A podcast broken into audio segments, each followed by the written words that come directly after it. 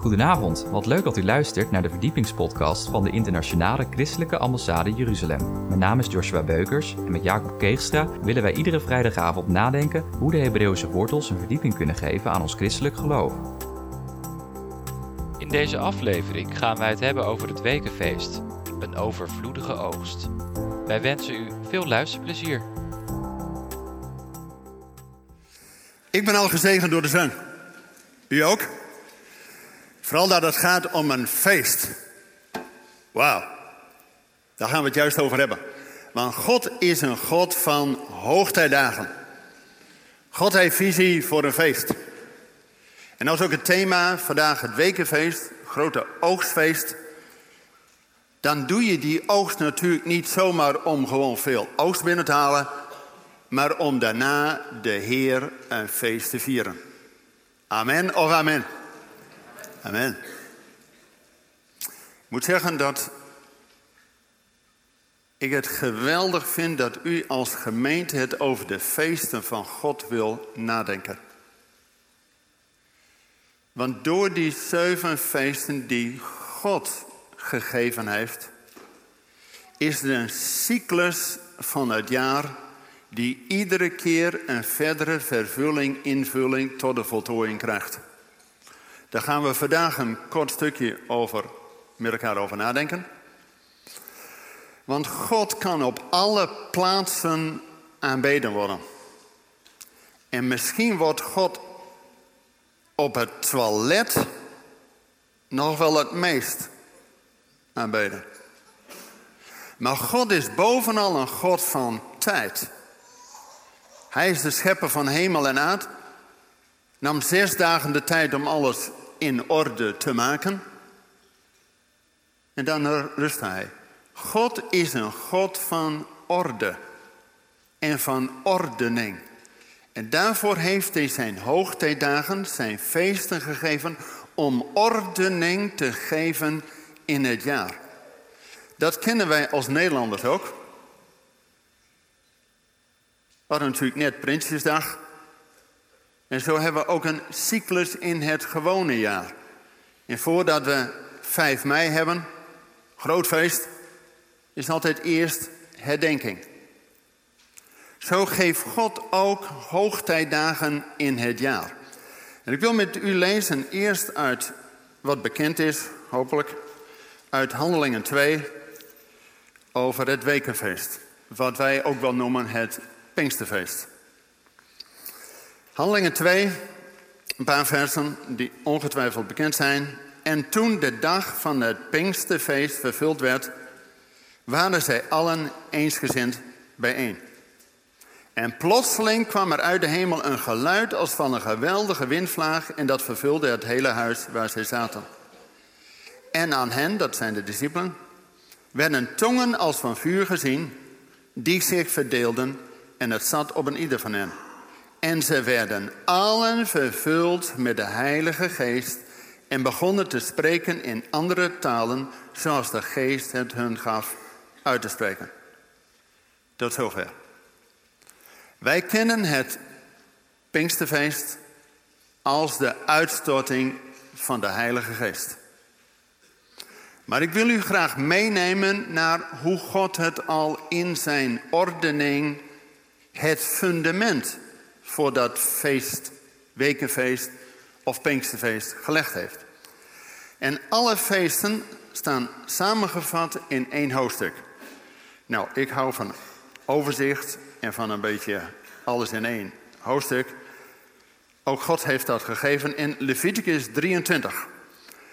U bent al even onderweg. U hebt al iets over het Pesach, paasfeest, gehoord. En dan gaan we verder. Al die zeven feesten staan in Leviticus 23. En ik lees nu vanaf vers 15, omdat het daarvoor gaat over het paasfeest. En Lucas, eh, pardon, Leviticus 23 vanaf vers 15, daar staat u dan. U moet vanaf de dag na de Sabbat gaan tellen. Vanaf de dag dat u de schoof van het beweegoffer gebracht hebt. En zeven volle weken zullen het zijn. Tot de dag na de zevende dag moet u vijftig dagen tellen. Dan moet u de Heer een nieuw graanoffer aanbieden. En uit uw woongebieden moet u twee broden meebrengen, bestemd voor een beweegoffer. Ze moeten van twee tienden eva meelbloem zijn, met zuurdeeg gebakken. Het zijn de eerstelingen voor de Heer. En dan vers 22. Wanneer u de oogst van uw land binnenhaalt, mag u de rand van uw akker bij het binnenhalen van uw oogst niet helemaal afmaaien. En wat van uw oogst is blijven liggen, mag u niet oprapen. U moet het laten liggen voor de arme en de vreemdeling. Ik ben de Heer, uw God. Tot zover. Volgende week gaat u met de rest van Leviticus 23 verder met de feesten. Nu gaan we ons concentreren op dat wekenfeest als een oogstfeest. Om uiteindelijk dan een offer voor God te brengen. God geeft de middelen en wil dat wij de eerstelingen daarvan Hem gaan aanbieden. Maar niet zomaar dat je dat alleen doet, je doet dat als hele gemeente. Dus je komt voor het aangezicht van God nooit met lege handen. Daarom is niet voor niks dat we ook een collecte tijdens de dienst hebben. Dan denkt u, ja, och, even een paar. Dat is een onderdeel dat je nooit voor het aangezicht van God komt met lege handen. Wat God u geschonken, gezegend heeft, dat je de eerstelingen aan God biedt. En juist als we het vandaag willen nadenken over een groot oogstfeest. Want al die feesten in de Bijbel, u hebt het over Pasen gehad. Vandaag gaat het over het wekenfeest, ook wel Pinksteren. Want Pinksteren, Pentakoste, betekent 50. We hebben net gelezen dat het 50 dagen na Pasen is. Waarom dat feest waarin Israël twee broden voor het aangezicht van God offert. Want in die periode tussen Pasen en Pinksteren wordt de tarweoogst van gerst en tarwe. Dat is in Israël in het voorjaar. Bij ons in Nederland, wij kennen eigenlijk maar één tijd dat het oogst is. Dat is rond deze tijd. Ik heb twintig jaar op de boerderij mogen werken om mijn studie te betalen. En poderdappelen worden in augustus geoogst. En consumptieaardappelen in september. De wintergranen in augustus, de zomergranen in september. Nou, voor, ja, u zit hier in de stad, maar ik neem aan dat u toch uh, in die zin verbonden bent met het land dat u weet dat God oogst geeft, zodat wij leeftocht voor onderweg hebben. En ik heb iets meegenomen uit Israël. Dat komt langs de Gazastrook vandaan, uit Israël, van een kibbutz. En daar waren wij in het voorjaar. En deze tarwe, graan, is verbrand. Want de vijand zit niet stil dat wanneer God zegen geeft, dat de vijand probeert dat te verwoesten. En dat doen ze tegenwoordig vanuit de Gazastrook met ballonnen waar allerlei uh, brandend spul aan zit. Dat wanneer in Israël de velden rijp zijn om te oogsten, laten ze die ballonnen op en gaat met de westenwind mee en komt ergens in Israël terecht. En dan worden die hele graanvelden in één keer verbrand. Wij waren daar als vertegenwoordigers van de christelijke om brandblusapparatuur te schenken, want dat is gewoon daar nodig om het vuur snel uit te maken. Maar graan, weet niet of u het ooit bij stil hebt gestaan, zo'n heel klein graankorreltje, daar zit minimaal drie keer het verhaal van het evangelie in verwerkt. Want God geeft door het natuurlijke een geestelijke les. Dat is altijd zo. Ook Jezus had gelijkenissen over de zaaier en het onkruid en noem maar op. Allemaal verhalen uit het natuurlijke, wat mensen herkennen, maar met een geestelijke boodschap. Zo ook graan, dat hele kleine graankorreltje. Mensen, als landbouwer moet je een groot geloof hebben. Wanneer je dat graan zaait, dan weet je één ding zeker, je bent het kwijt. En dan hoop je ook nog, bied je ook nog voor dat het gaat afsterven. Nou, dan weet je één ding heel erg zeker, je bent het helemaal kwijt. Dus het, wat je uitgezaaid hebt en afsterft, jongens, je kunt niet een tent van het jaar denk nou ja, laat ik dat nog maar weer een beetje bij elkaar uh, schrapen. Daar nog een zielig broodje van bakken. Nee, je bent het gewoon kwijt. En dan hoop je en dan bid je dat God een wonder doet. Dat hij die graankorrel wat afgestorven is. In de wedergeboorte laat groeien. En dan in het geloof is dat altijd een proces. Wij willen vaak grote stappen snel thuis. God neemt de tijd. God is een God van tijd. En ook dat graan dat eerst moet ontkiemen en een, ja, gaat groeien. De Bijbel zegt eerst de halm, dan de aar, dan de volle koren in de aar en dan pas de oogst. En dan ben je er nog niet. Dan heb je nieuw graan. Hartstikke mooi. Maar daar heb je nog niks aan. Dan moet dat graan moet weer vermalen worden van zijn identiteit af. Dan wordt het gekneed met water. En dan moet het nog gebakken worden in vuur. Ziet u de les uit het evangelie? Dat ook wij moeten afsterven aan onszelf door de doop heen en vervuld worden met de geest.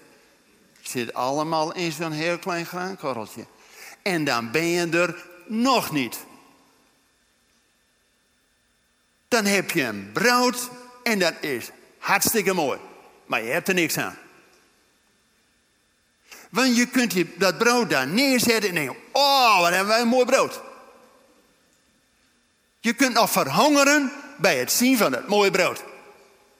Dus je moet nog dat brood breken, nemen en eten. Ziet u de les van het avondmaal? Mensen, in zo'n heel klein graankorreltje zit minimaal drie keer het verhaal van het evangelie. En dat viert men met de oogst van dat gerst en tarwe. Brood, leeftocht voor onderweg. En dan wil ik u meenemen naar een schriftgedeelte dat u ongetwijfeld kent. Dat is namelijk dat wanneer Israël dit feest viert van het wekenfeest, van de oogst van tarwe en gerst, dan heeft men ook in Israël allemaal een feestrol. Die specifiek met die hoogtijdagen, met die feesten gelezen worden. U het vorige keer, Pesach, Pasen. Welke feestrol wordt daarbij gelezen? Drink ik even uit een andere bron.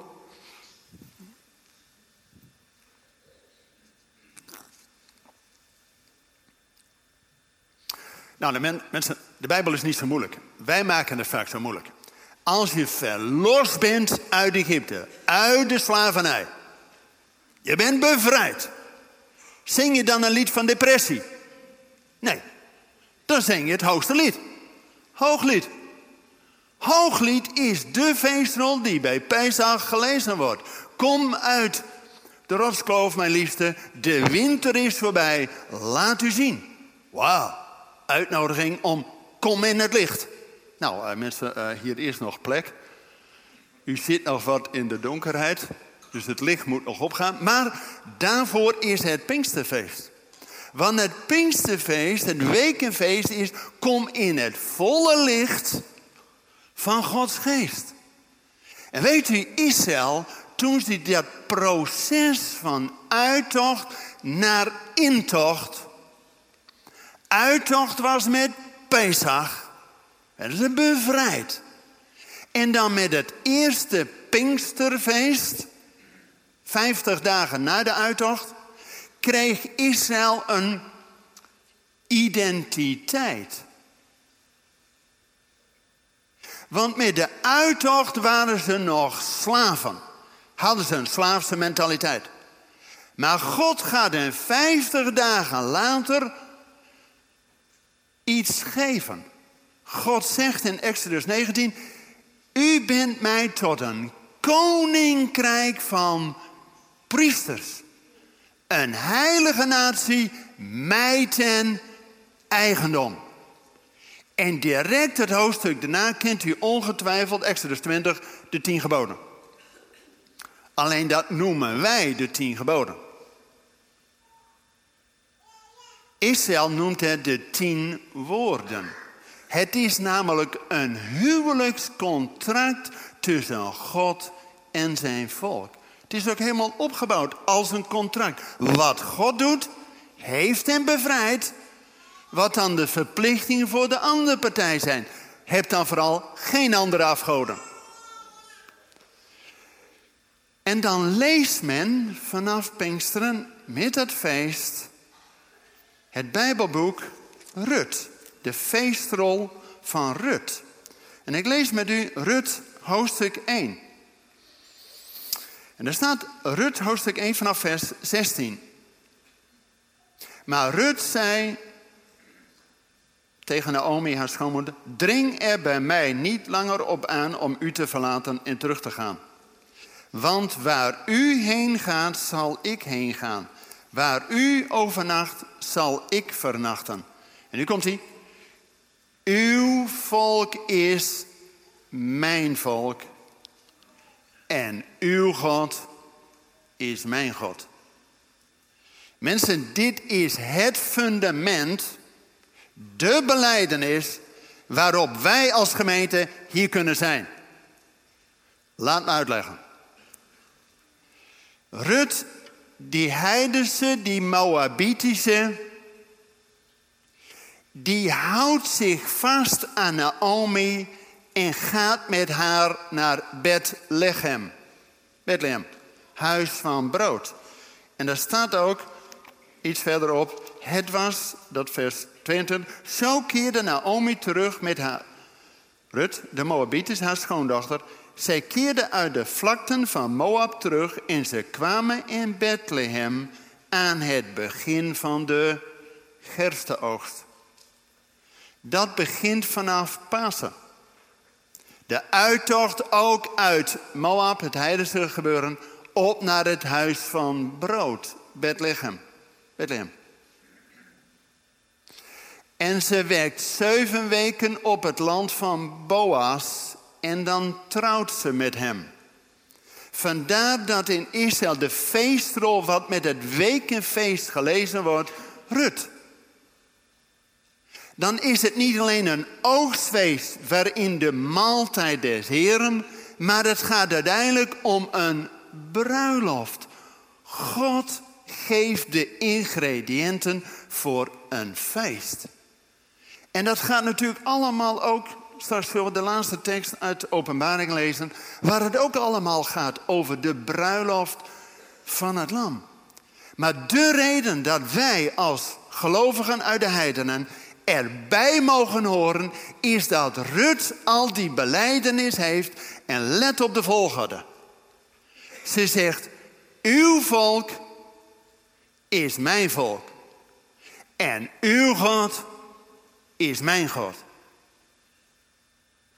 Mensen, ik merk nog wel eens in christelijke kringen dat wij de God van Abraham, Isaac en Jacob, die door Jezus onze vader wil zijn, nog wel willen dienen. Maar dat we met het volk van God, daar heeft men niet zoveel mee. Onze Heer Jezus Christus zegt: Hoe kunt u ooit God dienen en liefhebben die u nog nooit gezien hebt? Als u niet eerst ook uw broeder, uw naaste lief hebt. En Jezus zegt ook, als je wilt komen in het huis van God en iets wilt offeren, hartstikke mooi. Hij zegt, maar je bemerkt dat het nog niet goed is tussen jou en je naaste, dus in het horizontale, stop dan even. Laat dat offer even liggen. Verzoen je met je naaste en kom dan een offer aan de Heer. Met andere woorden, het natuurlijke, het horizontale is voorwaarde voor het geestelijke. En dat had Rut, haar naam betekent getrouwe, al door. Zij hechtte zich aan het volk om dan ook die God van het volk te dienen.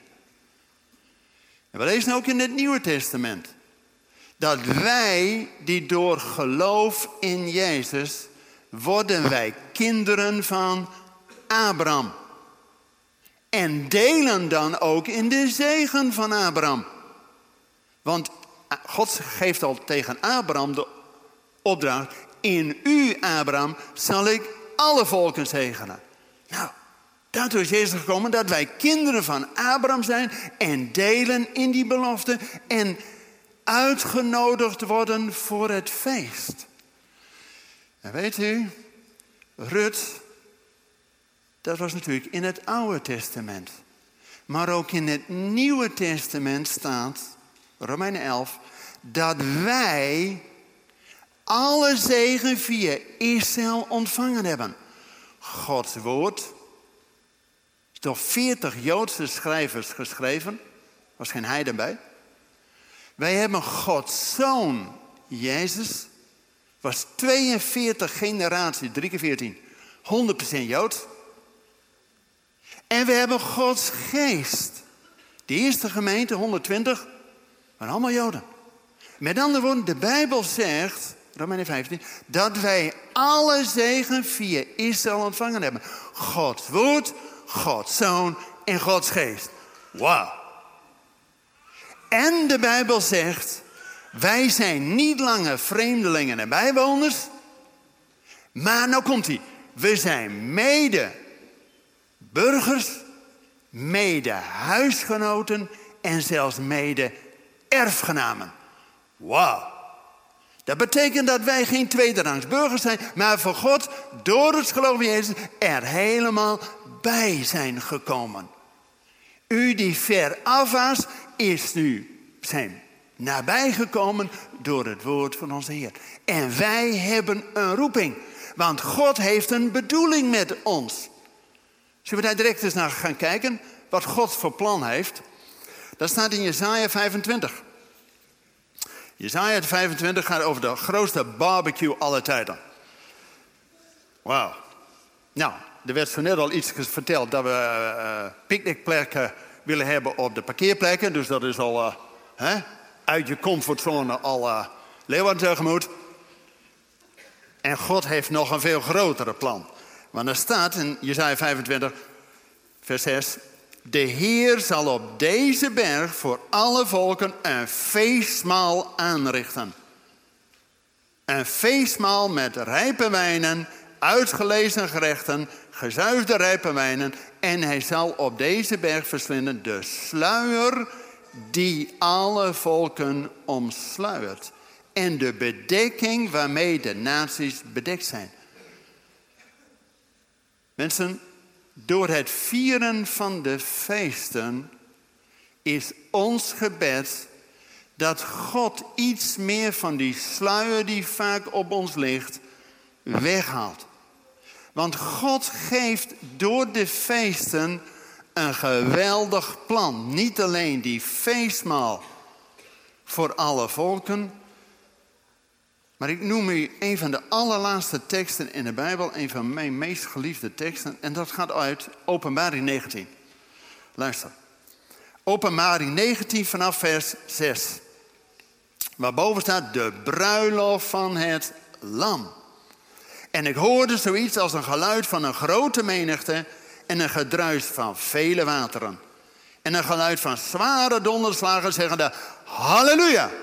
Want de Heer, de Almachtige, is koning geworden. Laten we blij zijn en ons verheugen en Hem de heerlijkheid geven, want de bruiloft van het lam is gekomen. En zijn vrouw heeft zich gereed gemaakt. En het is haar gegeven zich met smetteloos, blinkend fijn linnen te kleden, want dit fijne linnen zijn de gerechtigheden van de heiligen. En daartoe zijn die feesten gegeven als opmaat tot het grote feest, waarin we de bruiloft van het lam en de maaltijd des Heren gaan vieren. En tot slot, waarom weet ik nou zo zeker dat God die feesten gegeven heeft om ons iets te leren van Gods scheppingsmacht? Zodat de sluier voor, bij ons wordt opgeheven en wij God leren kennen in al zijn scheppingskracht. Laat ik het voorbeeld geven van uiteraard over de feesten. Ik heb ooit uh, een boek geschreven over Gods profetische feesten. De profetische lijn van Paas en Pinkster naar Lofuddefeest. 300 boeken uh, gelezen en dat samengevat in één makkelijk boekje. Dus je denkt, nou, ik hou van overzicht. Prima. Het boek was al een jaar op de markt. Krijg ik van iemand een mail. En die zegt, wist je dit al? Nou, ik las het en ik bijna stijl achterover. Waar ging dat over? Dat ging over de verhouding tussen de feesten van God en de zwangerschap van ons als mensen. Wauw. Dat gaat als volgt.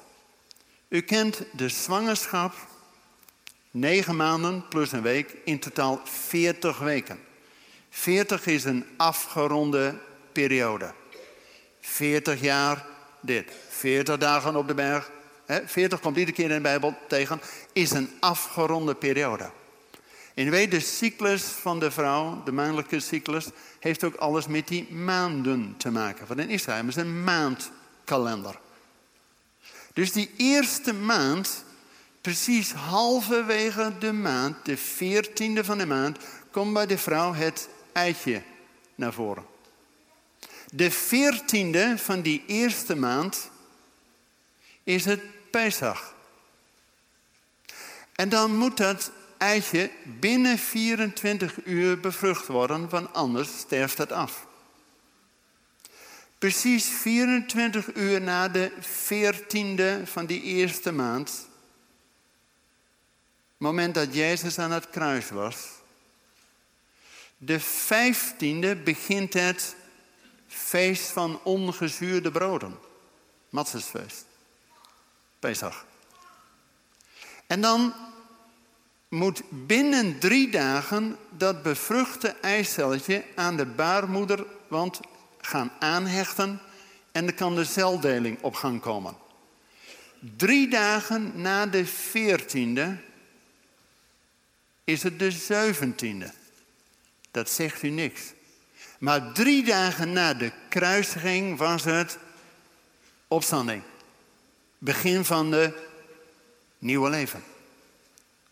En dan 50 dagen, we hebben dat vanochtend gelezen, moest je vanaf de dag na de Shabbat, Jezus stond op uit de dood, de dag na de Shabbat, begin van de nieuwe week, paaszondag, moest je zeven weken tellen en dan die extra dag, die vijftigste dag, 50 is het getal van het jubeljaar. Dat je grond onder de voeten krijgt. Dat je weer nieuw leven hebt. 50 dagen na de conceptie, 50 dagen daarna, kan een gynaecoloog vertellen, is allemaal nog in moeders buik, alles wat voor ons verborgen is, maar God leert ons daar al iets.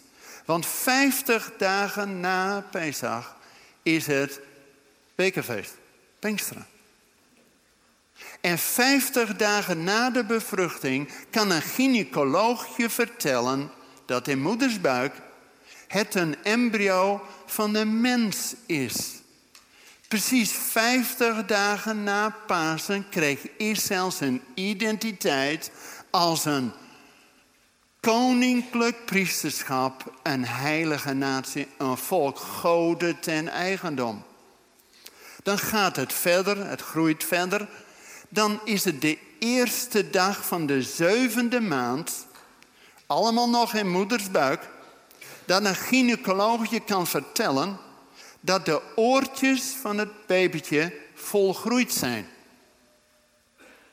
De eerste dag van de zevende maand is het het feest van de bezuinen. Hoort het woord van God. Dan precies twee weken later, de vijftiende van de zevende maand, zijn de longen van het babytje volgroeid. De vijftiende van de zevende maand begint het Loofhuttenfeest. Dat alles wat adem is, loven de Heer. God geeft de middelen om ook Hem daarmee te danken. Precies negen maanden in een week, veertig weken, komt het kind, normaal gesproken, ter wereld. Komt in het licht. Precies negen maanden en een week na Pesach is het Chanukka-feest. Het feest van het licht. Dat feest duurt acht dagen. En op die achtste dag wordt het man, uh, jongetje besneden. En krijgt daarmee zijn naam en zijn roeping. Mensen, als je dat al ziet, dat God ons iets wil onderwijzen, ook al zitten wij nog in moedersbuik, in dat vormeloos begin, leert God ons al zijn hoogtijdagen. Ik ben blij dat u doorgaat met deze serie, zodat God in zijn scheppingsplan in deze gemeente nog meer tot bloei kan komen. Maar direct ook voor ons natuurlijk de toepassing. Als we dat horen, dat God die middelen geeft om ook Hem te prijzen. God geeft die oogst van gerst en tafel. En volgende week hebt u het over die andere feesten. In het najaar waarin ook de olie en de wijn en al die vruchten van de bomen geoogst worden. Want het gaat God om een grote oogstfeest. Die tegelijk niet alleen in het natuurlijk is, maar de Bijbel zegt aan het eind van de tijd, wanneer de velden rijp zijn om te oogsten, dat de grote oogst wordt ingehaald en dan de maaltijd is hier en de bruiloft van het lam gevierd wordt, maar het betekent tegelijk het einde van deze wereld. En daartoe ook deze boodschap dat we op weg zijn naar het grote oogstfeest. En Pinksterfeest is voor ons natuurlijk bekend als het feest dat God zijn geest geeft. Maar het betekent ook, als we dat verhaal lezen van die tien maagden, die alle tien op weg gingen, die bruidegom tegemoet, maar ze vielen alle tien in slaap. Nou, u bent nog wakker. Maar toen de wake-up call kwam, toen was de helft die was niet voorbereid. Die had het Pinksterfeest niet begrepen. Je kunt uittocht hebben uit Egypte, maar je hebt Pinksteren nodig om het vol te houden tot de grote dag dat onze Heer komt. Zullen we daartoe bidden? Mag ik u voorgaan in gebed? Bedankt voor het luisteren naar deze verdiepingspodcast van de ICEJ. Waardeert u onze podcast? Steun ons dan met een donatie, abonneer u of deel deze podcast met uw vrienden of familie. Ga naar www.icej.nl. Deze studie zit er weer op. Volgende week gaan wij het hebben over de tekenen van hoop in de psalmen. Wij wensen u een bijzonder goed Pinksterweek einde toe. We hopen dat u volgende week weer luistert. Tot volgende week.